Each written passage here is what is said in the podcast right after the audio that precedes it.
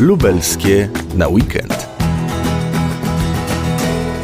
Bolesław Prus to pisarz i publicysta, autor lalki, faraona, emancypantek. Urodzony w Chrubieszowie, związany z Lublinem, Warszawą i z Nałęczowem. W Nałęczowie właśnie można urządzić sobie długi i ciekawy spacer śladami Bolesława Prusa.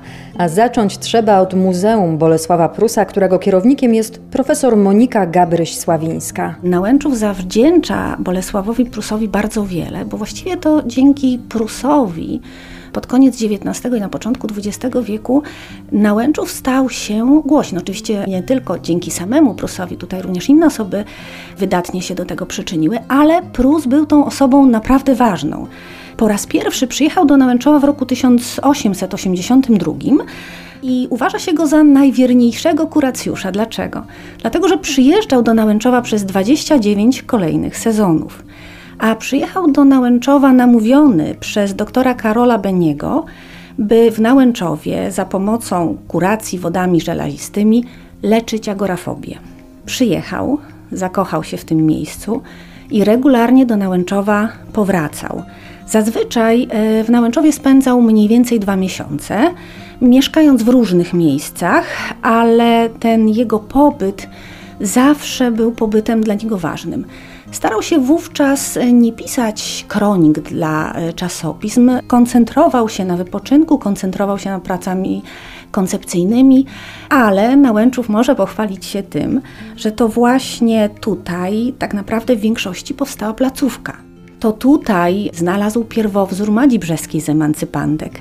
To tutaj w Nałęczowie powstały obszerne fragmenty lalki czy faraona. Zatem była to przestrzeń niezwykle przyjazna, przestrzeń, w której Prus odpoczywał, w której znalazł przyjaciół, ale również miejsce, gdzie podejmował różne, byśmy powiedzieli, nietypowe wówczas aktywności. To w Nałęczowskim Parku Zdrojowym Bolesław Prus uczył się jeździć na rowerze. Tam odbywał wycieczki nie tylko po parku, ale również po okolicy. A podczas tych wycieczek rozwijał kolejną swoją pasję, pasję fotograficzną. Robił zdjęcia. Jeśli weźmiemy pod uwagę fakt, że fotografia była wówczas jednak nowością, można powiedzieć, że Prus w Nałęczowie oddawał się bardzo nowoczesnym aktywnościom.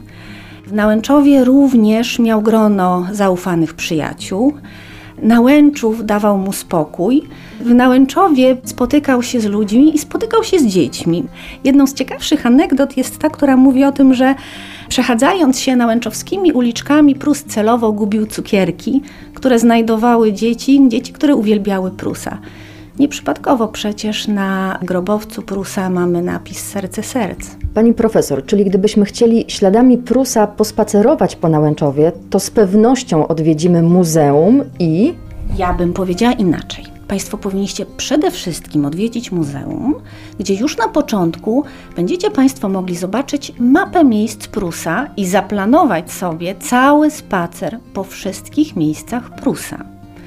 Wydaje mi się, że właśnie zacząć trzeba od nas, żeby żadnego z prusowskich miejsc nie opuścić. A te pozostałe miejsca to na przykład wąwóz Bolesława Prusa, Góra Prusa, Domek Prusa, Willa pod Matką Boską, Willa Górskich, Sanatorium Książę Józef, oczywiście Pałac Małachowskich, e, w którym przez wiele lat funkcjonowało muzeum. Muzeum, które od roku 2017 ma swoją siedzibę w ochronce imienia Adama Żeromskiego na ulicy Poniatowskiego 39.